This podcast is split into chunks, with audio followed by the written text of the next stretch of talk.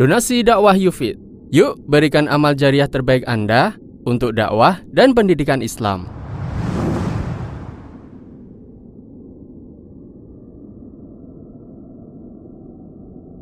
Bismillahirrahmanirrahim. Assalamualaikum warahmatullahi wabarakatuh. Alhamdulillahirabbil alamin. Wa bihi nasta'inu على أمر الدنيا والدين وصلى الله على نبينا وسيدنا محمد وعلى آله وصحبه أجمعين أما بعد Kita panjatkan puja dan syukur kehadirat Allah Subhanahu wa taala. Pada kesempatan malam yang berbahagia kali ini tanggal 1 Sya'ban 1440 Hijriah atau yang bertepatan dengan tanggal 5 April 2019 kita masih kembali diberi kekuatan, kesehatan, hidayah serta taufik dari Allah Jalla wa Ala. Sehingga kita bisa kembali menghadiri pengajian rutin adab dan akhlak di dalam Islam di Masjid Jenderal Besar Sudirman di kota Purwokerto ini. Kita berharap semoga Allah Subhanahu wa taala berkenan untuk melimpahkan kepada kita semuanya ilmu yang bermanfaat sehingga bisa kita amalkan sebagai bekal untuk menghadap kepada Allah Jalla wa ala. Amin. Salat dan salam semoga senantiasa tercurahkan kepada junjungan kita Nabi Agung Muhammad sallallahu alaihi wasallam kepada keluarganya, sahabatnya dan umatnya yang setia mengikuti tuntunannya hingga di akhir nanti. Para hadirin dan hadirat sekalian yang kami hormati dan juga segenap pendengar Radio Insani 88.8 FM di Purbalingga, Purwokerto, Banjarnegara, Cilacap, Wonosobo, Kebumen dan sekitarnya serta para pemirsa Yufi TV, Niaga TV, dan Surau TV yang mudah-mudahan senantiasa dirahmati oleh Allah Azza wa Jalla. Insya Allah pada kesempatan yang berbahagia kali ini kita akan menyelesaikan pembahasan tentang hadis nomor 31. Hadis panjang yang diriwayatkan oleh Imam Bukhari dan Muslim yang pembahasan terakhir kita pada pertemuan yang lalu adalah sabda Nabi sallallahu alaihi wasallam di akhir hadis ini ala wa inna fil jasadi mudghah. Ketahuilah bahwa di dalam tubuh kita ini ada segumpal daging. Idza salahat salahal jasadu kulluh. Seandainya segumpal daging ini baik maka seluruh anggota tubuh akan ikut baik wa idza fasadat fasadal jasadu kulluh seandainya segumpal daging ini rusak maka seluruh anggota tubuh akan ikut rusak ala wahyal qalb ketahuilah bahwa segumpal daging itu adalah kalbu. Hadis riwayat Bukhari dan Muslim. Kita telah sampaikan bahwa kalbu terjemahan aslinya maknanya yang pas adalah apa kemarin? Jantung.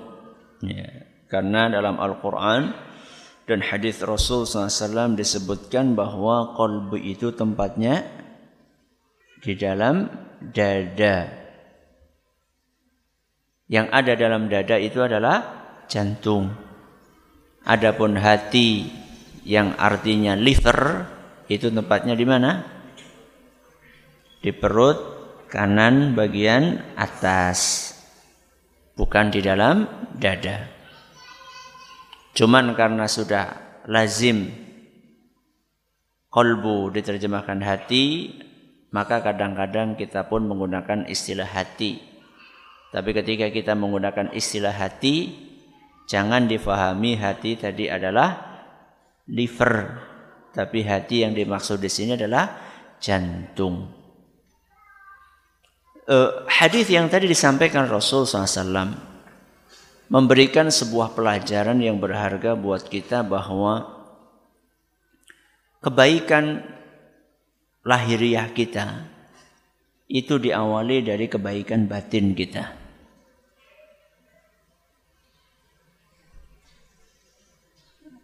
Istiqomahnya jasmani kita itu diawali dari istiqomahnya rohani kita.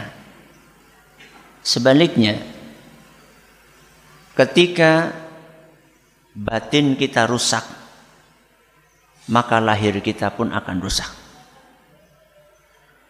Ketika rohani kita rusak, maka jasmani kita pun akan rusak. Maka yang perlu kita perhatikan dan menjadi prioritas dalam kehidupan kita adalah perbaikan batin selain perbaikan lahir. Perbaikan rohani selain perbaikan jasmani. Dan memperbaiki lahir dan memperbaiki batin itu bukan pekerjaan sehari atau dua hari. Akan tetapi itu membutuhkan proses yang panjang dan tidak ada pensiunnya kecuali ketika kita sudah menghadap kepada Allah Subhanahu wa taala. Jangan dipikir perbaikan hati, perbaikan batin ini ada pensiunnya. Oh, saya sudah cukup, saya sudah selesai, saya sudah lama ngaji. Bukan. Perbaikan batin, perbaikan kolbu adalah proses yang panjang sampai kita menghadap kepada Allah Subhanahu wa taala. Itulah finishnya. Sehingga Jangan dibayangkan setelah kita ngaji hadis ini terus lantas langsung otomatis simsalabim hati kita jadi bersih, jadi baik, belum tentu. Ada langkah-langkah yang harus kita ikuti supaya hati kita benar-benar menjadi hati yang baik. Benar-benar menjadi hati yang bersih benar-benar isinya adalah kecintaan kepada Allah Subhanahu wa taala. Dan kecintaan kepada hal-hal yang dicintai sama Allah Azza wa Jalla. Isinya adalah perasaan takut kepada Allah Subhanahu wa taala. Dan perasaan takut untuk terjerumus kepada hal-hal yang dibenci oleh Allah Azza wa Jalla. Itulah hati yang sehat. Itulah hati yang bersih. Untuk sampai kepada makom tersebut. Hati yang bersih ini butuh proses, butuh langkah-langkah. Ini yang kita janjikan pada pertemuan yang lalu akan kita bahas pada malam hari ini. Apa langkah-langkah yang harus kita ikuti, yang harus kita jalani supaya hati kita betul-betul menjadi bersih, menjadi baik. Yang efeknya kemudian akan membuat seluruh fisik kita akan ikut baik. Di hadapan kami ada empat tahapan. Ada empat langkah yang mesti untuk kita jalani. Yang pertama adalah doa. Apa yang pertama? Doa. Minta. Minta itu baik atau jelek? Minta baik atau jelek? Tergantung kepada siapa dan apa permintaannya. Kalau mintanya kepada Allah dan isi permintaannya baik, maka minta-minta itu baik. Yang jelek itu adalah minta-minta kepada selain Allah. Apalagi yang diminta adalah sesuatu yang jelek. Maka yang pertama yang perlu untuk dilakukan oleh seorang hamba yang pengen hatinya bersih adalah berdoa. Berdoa kepada Allah agar Allah berkenan untuk memperbaiki hati kita. Berdoa kepada Allah agar Allah berkenan untuk membersihkan hati kita. Berdoa kepada Allah agar Allah berkenan untuk membuat hati kita istiqomah di atas ketaatan kepadanya. Nabi kita sallallahu alaihi wasallam dalam sebuah hadis yang diriwayatkan oleh Imam Muslim beliau bersabda Inna qulubal ibadi inna quluba bani Adam kullaha baina isba'aini min asabi'ir rahmani ka qalbin wahid Nabi kita SAW bersabda hati seluruh anak Adam hati seluruh anak Adam itu seperti satu hati yang diletakkan di antara dua jari Allah Subhanahu wa taala. Saya ulangi, hati seluruh Bani Adam.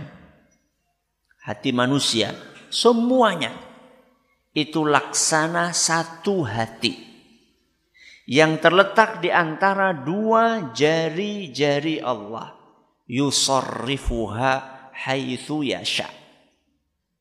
Allah Subhanahu wa taala akan mengarahkan membolak-balikkan hati seluruh manusia terserah dia.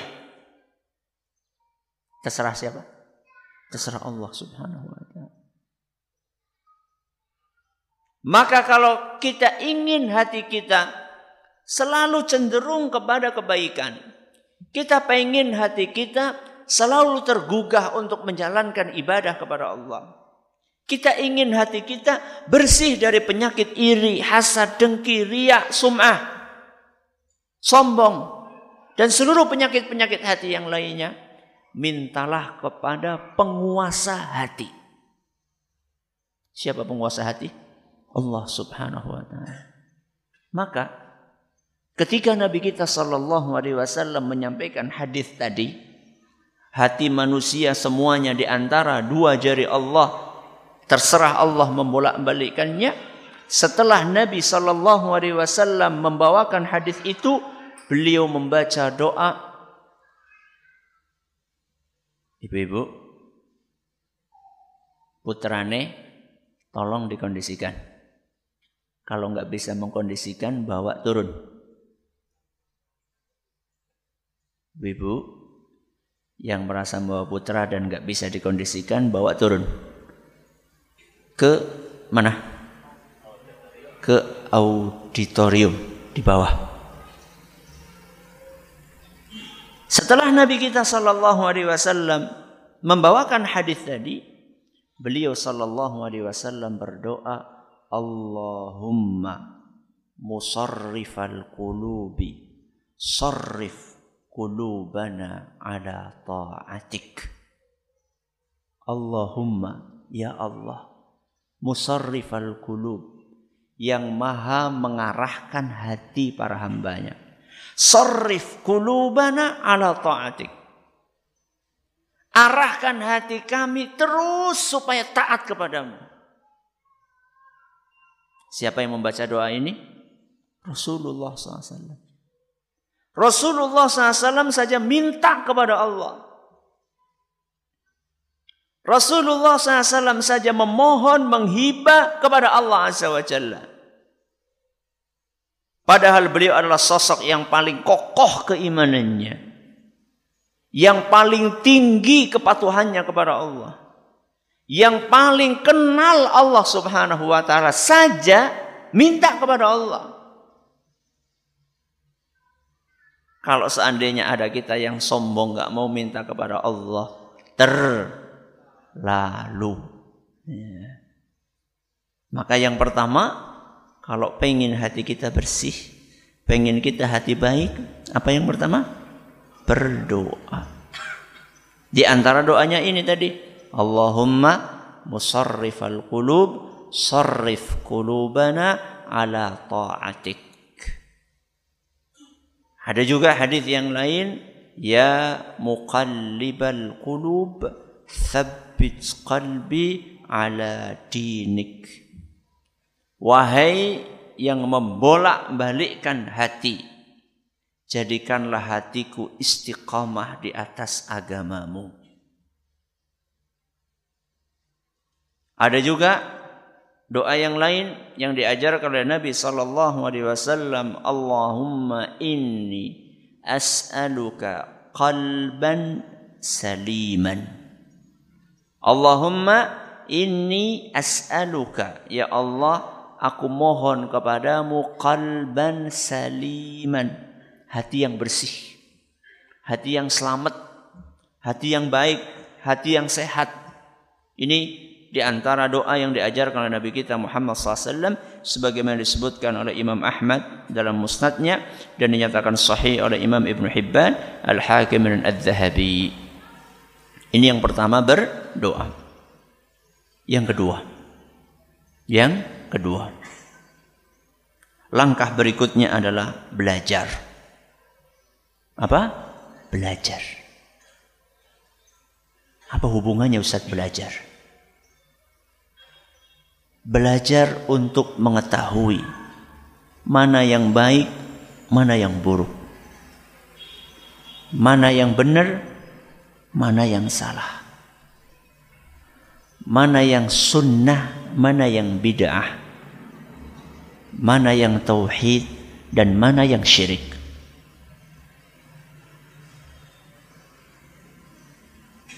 Jangan sampai kita terjerumus kepada sesuatu yang buruk karena kita tidak tahu itu buruk. Dan yang lebih berbahaya lagi, kita meyakini sesuatu yang buruk itu baik dan yang baik itu buruk. Kita meyakini yang hak itu batil, yang batil itu hak. Kita meyakini yang ma'ruf itu mungkar dan yang mungkar itu ma'ruf. Kenapa bisa demikian? Karena nggak belajar. Kita pengen memperbaiki hati, malah jadinya merusak hati. Kita pengen membersihkan hati malah jadinya ngotori hati. Karena tidak belajar. Karena kita tidak mengkaji. Mana hal-hal yang bisa memperbaiki hati, mana yang merusak. Mana yang membersihkan, mana yang mengotori.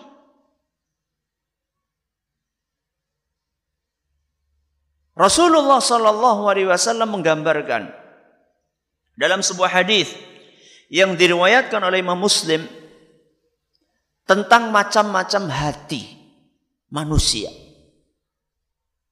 Di antara hati, di antara jenis hati manusia, kata Nabi sallallahu alaihi wasallam wal akharu aswadu murbadan. Ada hati yang jenisnya hitam kelam. Kalkusi mujakhia. Kata Nabi SAW hati itu seperti cangkir yang dibalik. Gak bisa diisi apa-apa. Dan dinasehati gak masuk. Belajar gak masuk. Dikasih wejangan gak masuk. Baca Al-Quran gak tersentuh. Kalkusi mujakhia seperti cangkir yang dibalik, nggak bisa dimasuki apa-apa. Kemudian Nabi SAW melanjutkan sabdanya, La ya'rifu ma'rufan wa la yungkiru. Tidak tahu mana yang baik, tidak tahu mana yang mungkar. Tidak tahu mana yang ma'ruf, tidak tahu mana yang mungkar tidak tahu mana yang baik, tidak tahu mana yang buruk. Yang lebih parah seperti yang saya katakan tadi. Yang baik dikira buruk, yang buruk dikira baik. Yang ma'ruf dikira mungkar, yang mungkar dikira ma'ruf. Akhirnya amar mungkar nahi ma'ruf. Kudune amar ma'ruf nahi mungkar. Konser dangdut disukseskan, pengajian dibubarkan. Amar mungkar, nahi ma'ruf. Ini adalah salah satu efek tidak belajar. Meyakini yang sunnah bid'ah, yang bid'ah sunnah. Ini nggak belajar seperti ini akibatnya. Dia pikir hatinya bersih, malah justru hatinya sakit. Dia pikir hatinya sehat justru sakit, dia pikir hatinya bersih justru kotor. Makanya banyak penawaran-penawar yang ada di luar sana untuk membersihkan hati. Tapi waspada. Apakah itu membersihkan hati atau mengotori hati? Banyak penawaran di luar sana tazkiyatun nafs, pensucian jiwa. Apakah itu mensucikan jiwa atau mengotori jiwa? Dan itu tidak bisa kita dapatkan kecuali ketika kita mendapatkan taufik dari Allah Subhanahu wa taala, kemudian kita belajar. Mana tazkiyatun nafs yang diajarkan oleh Rasulullah SAW? Itulah yang seharusnya kita ikuti. Ini yang keberapa? Yang kedua. Apa yang pertama tadi? Berdoa. Yang kedua? Belajar. Yang ketiga, berjuang. Apa yang ketiga? Berjuang. Bahasa kitabnya mujahadah. Apa? Mujahadah. Berjuang. Berjuang apa? Berjuang untuk konsisten taat secara bertahap. Apa? Berjuang untuk konsisten taat secara bertahap.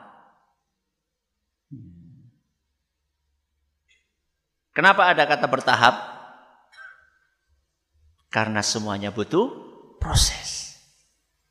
Kadang-kadang orang saking semangatnya baru ngaji pokoknya malam ini saya mau tahajud langsung 11 rakaat non-stop. Masya Allah. Bagus. Kemarin belas. Oh, Masya Allah. Terus bagaimana? Wallahu a'lam. Apakah setelah itu dia akan menikmati atau kapok? Ya. Yang mana kesel ya? Gak bisa jemaah. Semua itu butuh proses. Makanya saya katakan berjuang untuk konsisten taat secara bertahap alon-alon asal kelakon. Tapi alon gue melaku. Orang mandek. Kok jadi orang sholat alon-alon. Sholat tetap. Tapi bertah, bertahap. Mampunya dua rakaat, satu rakaat, no problem. Dua rakaat tahajud, satu rakaat witir, tidak apa-apa. Bertahap. Secara ber, bertahap. Dan kita awali dengan mengkonsistenkan hati. Nanti mengkonsistenkan lahir. Kita awali dengan mengkonsistenkan batin. Nanti mengkonsistenkan lahir. Tadi kita sudah sampaikan hati yang baik itu hati yang dipenuhi dengan kecintaan kepada Allah dan kecintaan kepada hal-hal yang dicintai oleh Allah. Hati yang baik adalah hati yang dipenuhi dengan rasa takut kepada Allah dan takut untuk terjerumus kepada hal-hal yang dibenci oleh Allah. Itu hati yang baik. Supaya hati itu dipenuhi dengan perasaan cinta kepada Allah dan takut kepadanya, ini butuh proses. Prosesnya bagaimana? Bermujahadah, berjuang. Untuk selalu mengawal isi hati kita. Setiap akan melakukan apa-apa, setiap akan mengucapkan apa-apa, diawasi hati ini. Saya lakukan ini karena apa? Saya ucapkan ini karena apa? Apakah lillahi ta'ala karena Allah atau karena selain Allah? Ini namanya proses untuk mengkonsistenkan hati. Ketika saya akan tinggalkan ini, saya tinggalkan karena apa? Karena Allah kah? Atau karena selain Allah? Ketika saya tidak mengucapkan ini, saya tidak ucapkan karena apa? Karena Allah kah? Atau bukan karena Allah? Inilah yang namanya proses mujahadah untuk membuat hati kita diisi dengan kecintaan kepada Allah. Dan proses ini disampaikan oleh Nabi kita Muhammad sallallahu alaihi wasallam dalam sebuah hadis yang diriwayatkan oleh Imam Abu Dawud. Dan hadis ini dinyatakan sahih li ghairihi oleh Syekh Al-Albani. Di mana Nabi kita sallallahu alaihi wasallam bersabda, "Man ahabba lillahi" Barang siapa yang cinta karena Allah. Cinta karena Allah wa abghadalillah dan benci juga karena Allah. Cinta dan benci tempatnya di mana? Hati. Kolbu, jantung. Betul liver. Barang siapa yang cinta karena Allah, benci karena Allah. Ini namanya latihan untuk selalu mengaitkan apa yang ada dalam hati kita dengan apa yang disukai sama Allah Subhanahu wa taala. Cinta karena Allah. Contoh. Kenapa jenengan berteman dengan si A? Coba dicek niat kita berteman sama si A apa? Ketika jawabannya karena si A ini rajin ke masjid. Karena si A ini sering ngajak saya ngaji. Karena si A ini ketika saya lagi down imannya, lagi turun imannya, dia mengingatkan saya. Lewat WA, lewat SMS, lewat telepon, ketemuan. Saya cinta kepada si A karena si A seperti itu.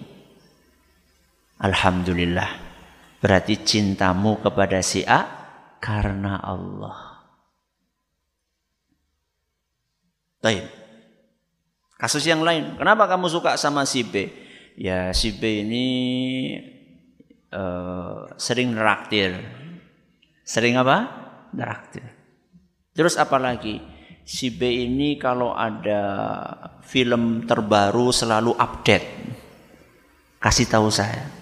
Besok ada uh, film terbaru judulnya Pocong padane.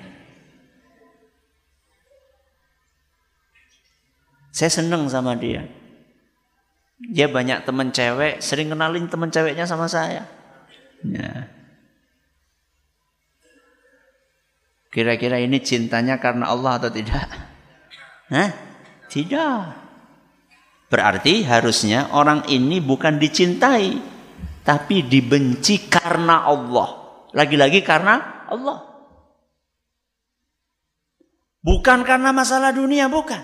Saya benci kepada dia karena dia ngajak saya kepada maksiat. Saya benci kepada dia karena setiap saya akan menuju kepada jalan Allah, mendekat kepada Allah, dia tahan saya. Kulo asyik kayak mien. Priwe sih? Mien mok. Udut ya udut bareng.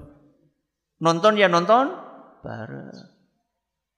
Siki kulo diajak nonton malah Angel banget. Ki kan malam setu. Mangsane ngaji nang jensut. Kusiki angel lo rasik.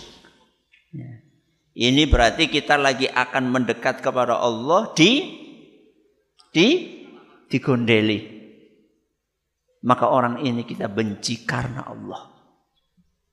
Bukan karena dia wajahnya nggak ganteng, bukan. Mungkin dia ganteng, Ya. Bukan karena tendensi-tendensi di dunia, bukan. Saya benci dia karena dia menjauhkan saya dari Allah Subhanahu wa taala. Man ahabba lillahi wa abghadha lillah. Barang siapa yang cintanya karena Allah, bencinya juga karena Allah. Lalu kata Nabi SAW, wa a'ta lillah wa mana'a lillah. Selain dia cinta karena Allah, benci karena Allah, dia juga memberi karena Allah. Dan tidak memberi juga karena Allah. Kenapa? Ngasih karena Allah. Tidak ngasih karena Allah juga. Kalau tadi urusan batin. Yang sekarang urusan lahir.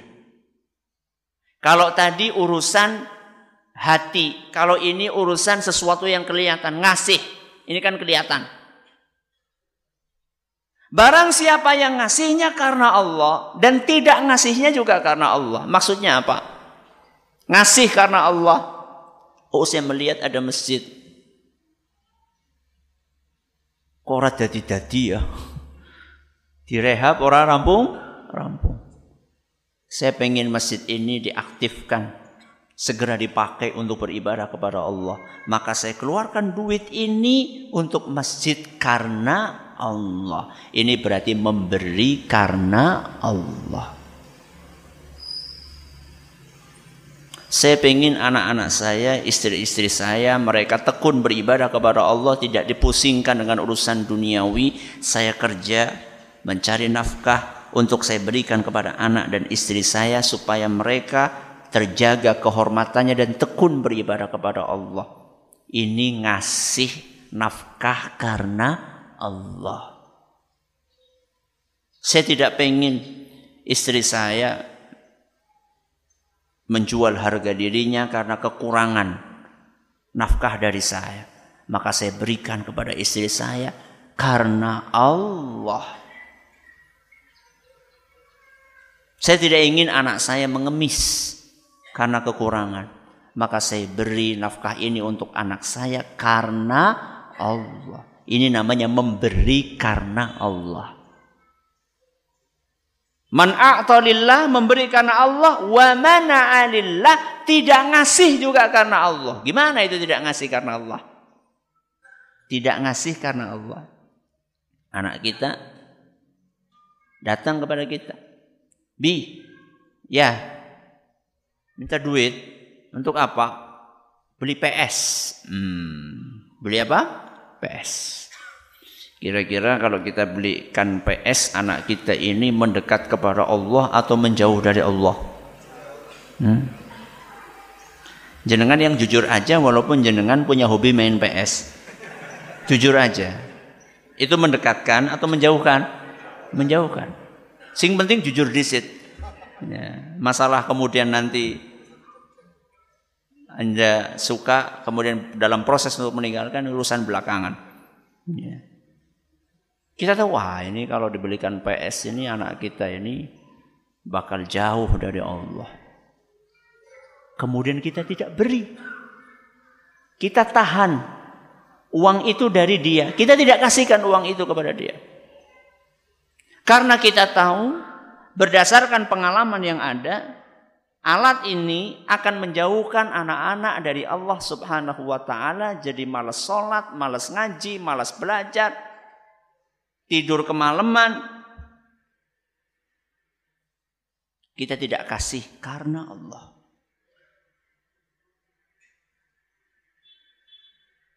Mi, ya ada apa? Beliin aku HP dong. Beliin aku HP. Yang kayak apa? Ya, yang keren, yang smartphone, yang banyak yang full internet. Kasih enggak, kasih enggak, kasih enggak. Coba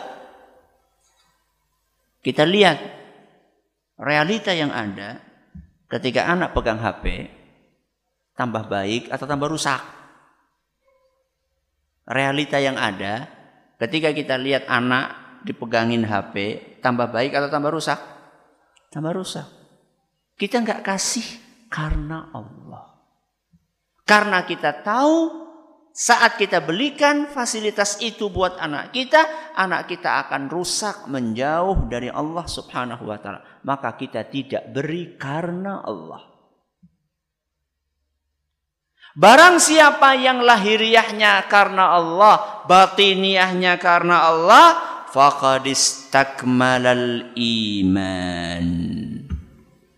Maka saat itu imannya sudah sempurna. Berarti kesempurnaan iman seorang itu tergantung lahiriahnya karena Allah, batiniahnya juga karena Allah. Inilah yang saya katakan tadi, mujahadah, proses untuk terus mengawasi niat kita. Aktivitas apa pun yang kita kerjakan. Ucapan apa pun yang kita lontarkan dari mulut kita. Keputusan apa pun yang kita putuskan Apakah karena Allah atau tidak? Terus awasi niat kita. Seorang ulama namanya Al-Hasan Al-Basri. Siapa? Al-Hasan Al-Basri rahimahullah. Beliau pernah menyampaikan pengalaman mujahadah beliau. Pengalaman bagaimana beliau berjuang untuk memperbaiki dirinya. Apa kata beliau? ma nadhartu bi basari wala nataqtu bi lisani wala batashtu bi yadayya wala nahattu ala qadamayya setiap aku akan menggunakan mataku. Setiap aku akan menggunakan lisanku. Setiap aku akan menggunakan kedua tanganku dan setiap aku akan menggunakan kedua kakiku hatta anzura ala ta'atin au ala maksiyah. Maka aku akan berfikir terlebih dahulu ini semua aku gunakan untuk taat atau untuk maksiat. Setiap mau menggunakan mata, mata digunakan untuk melihat buka HP, buka internet. Yang dilihat sesuatu yang mendekatkan kita kepada Allah, ketaatan atau menjauhkan kita dari Allah maksiat. Halal apa haram sudah. Setiap akan menggunakan mata, aku pikir terlebih dahulu. Ini baik atau buruk? Ini mendatangkan pahala atau mendatangkan dosa? Setiap mau ngomong, Aku berpikir terlebih dahulu, apakah yang kekularkan ini dari mulutku ini akan mendatangkan pahala atau mendatangkan dosa? Akan membuat orang lain bahagia atau akan menyakiti orang lain? Kedua tanganku.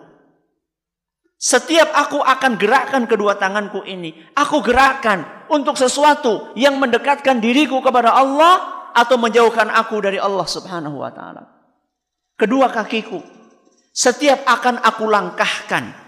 Aku langkahkan ke tempat yang diridhoi oleh Allah atau ke tempat yang dimurkai oleh Allah Subhanahu wa taala. Seluruh aktivitas, seluruh ucapan yang dilakukan oleh Al Hasan Al Basri selalu melalui proses perenungan itu. Taat atau maksiat, baik atau buruk, mendatangkan dosa atau mendatangkan pahala. Wa in kanat ta'atan taqaddamtu. Ketika aku yakin bahwa yang aku lihat adalah sesuatu yang mendatangkan pahala. Yang aku ucapkan adalah sesuatu yang akan mendatangkan pahala. Yang aku guna, yang aku pegang dengan tanganku adalah sesuatu yang mendatangkan pahala Tempat yang aku tuju dengan kedua kakiku adalah tempat yang mendatangkan pahala. tu saat itu aku akan jalankan apa yang aku rencanakan tadi. Sebaliknya, wa in kanat maksiatan ta'akhartu. Seandainya setelah aku pikir-pikir ini maksiat yang akan aku lihat ini maksiat haram, wanita yang bukan mahram, yang akan aku ucapkan ini adalah ngerasani orang. Tempat yang akan aku datangilah tempat yang di situ banyak perbuatan dosa dan maksiat. Begitu aku yakini itu, maka aku gagalkan rencanaku tersebut. Inilah contoh mujahadah yang diajarkan oleh siapa? Al-Hasan Al-Basri. Kita akan lanjutkan insyaAllah setelah adhan biiznillah. Alhamdulillahirrahmanirrahim. Wassalatu wassalamu ala nabiyina Muhammadin wa ala alihi wa sahbihi ajma'in. Amma ba'd. Berapa poin tadi? Berapa poin? Tiga. Yang pertama, berdoa. Yang kedua, belajar. Yang ketiga, berjuang. Yang keempat, menjaga dan membersihkan hati dari kotoran. Menjaga dan membersihkan hati dari kotoran.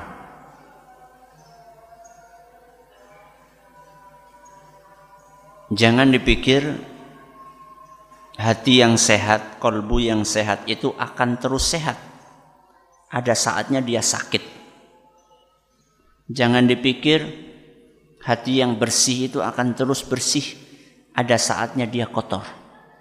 Maka yang perlu kita lakukan yang keempat adalah dijaga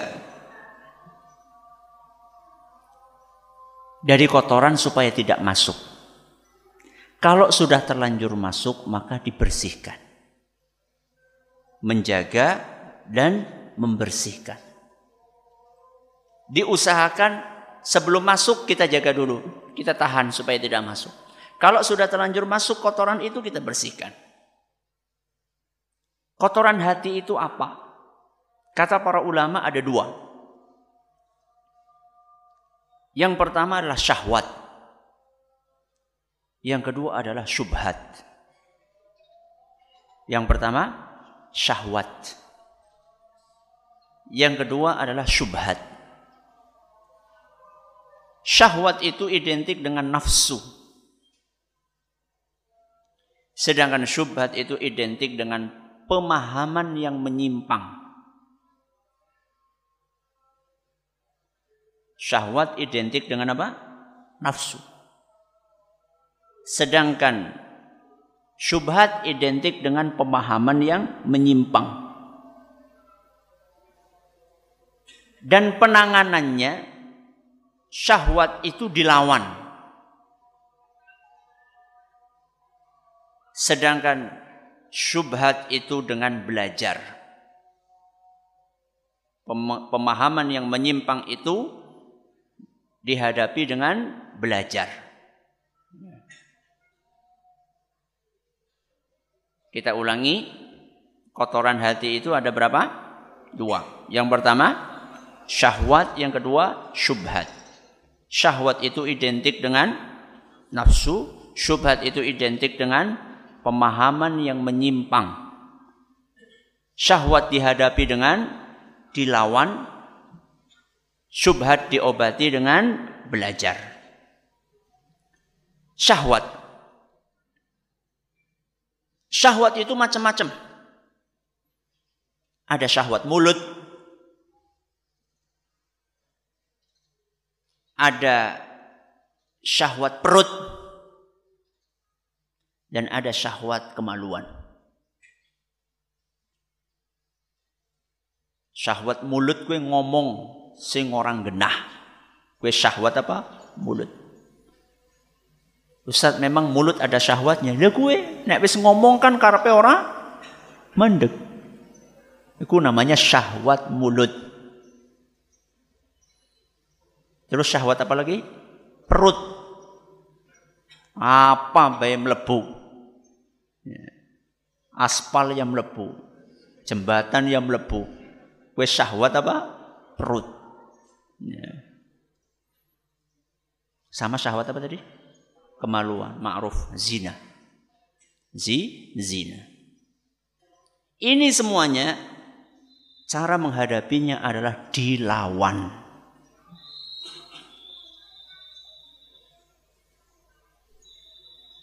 Seorang penyair mengatakan an-nafsu katifli in tuhmilhu syabba ala hubbir radha'i wa in taftimhu yanfatimu. Nafsu itu seperti bayi. Seperti bayi. Intuh milhu syabba ala hubbir radha'i. Kalau nafsu itu engkau ikuti terus. Manut karo nafsu. Itu seperti bayi yang dibiarkan netek sampai dewasa neteknya. Terus bagaimana seharusnya? Intaftimhu yan fatimu. Nafsu itu harus dilawan. Seperti bayi yang disapih.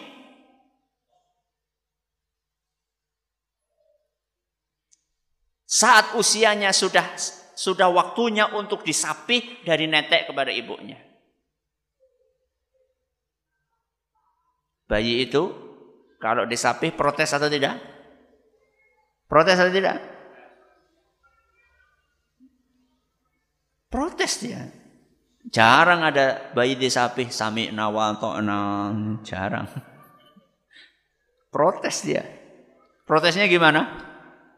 Nangis, rewel.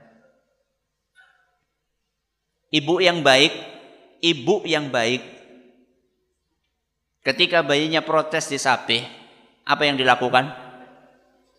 Apa yang dilakukan? Luluh hatinya? Tidak. Dilawan. Gimana lawannya? Ya macam-macam. Kadang nganggo tensoplas, tutupi. Kadang nganggo minyak kayu putih, ben pahit, ben panas. Kadang nganggo apa? Teres, ben abang. Semacam-macam lah. Pokoknya dilawan. Begitu kan? Itulah nafsu. Nafsu itu harus dilawan. Nafsu dorong kita, ada cewek cakep lewat, eman-eman, dilawan. Bukan dituruti. Kalau dituruti, akan terus ketagihan. Itulah nafsu. Itu melawan naf, nafsu. Yang kedua apa tadi? syubhat. Syubhat itu ini identik dengan pemahaman yang menyimpang. Dan pemahaman yang menyimpang ini efeknya tidak kalah dahsyat dibandingkan syahwat. Dan munculnya aliran-aliran sesat sepanjang sejarah adalah karena syubhat.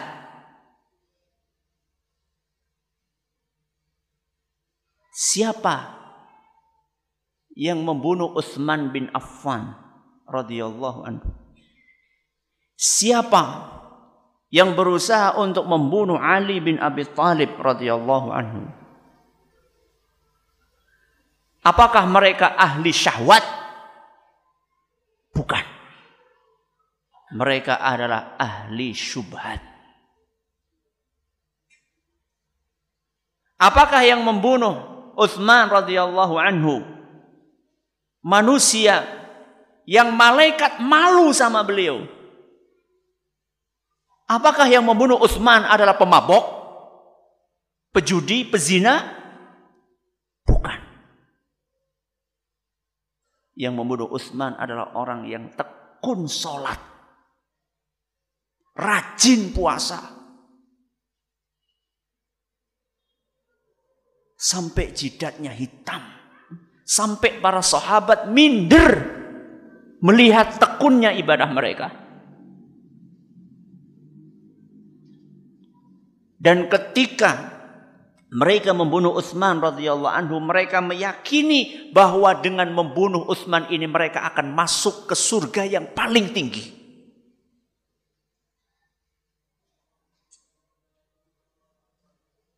Kenapa bisa membunuh manusia yang mulia mengantarkan kepada surga? Kenapa bisa muncul keyakinan seperti itu kalau bukan karena syubhat pemahaman yang menyimpang?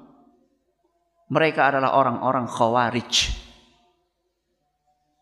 yang gampang mengkafirkan orang lain. Menurut mereka Utsman itu kafir, bayangkan calon penghuni surga yang dijamin oleh Rasul SAW pasti masuk surga dikatakan kafir.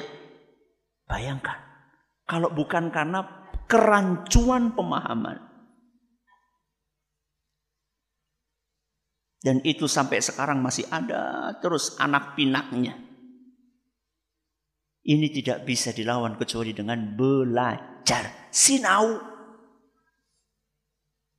Ya. Semangat saja nggak cukup. Hijrah bagus. Tapi hijrahnya jangan setengah-setengah. Harus diiringi dengan belajar, belajar, belajar.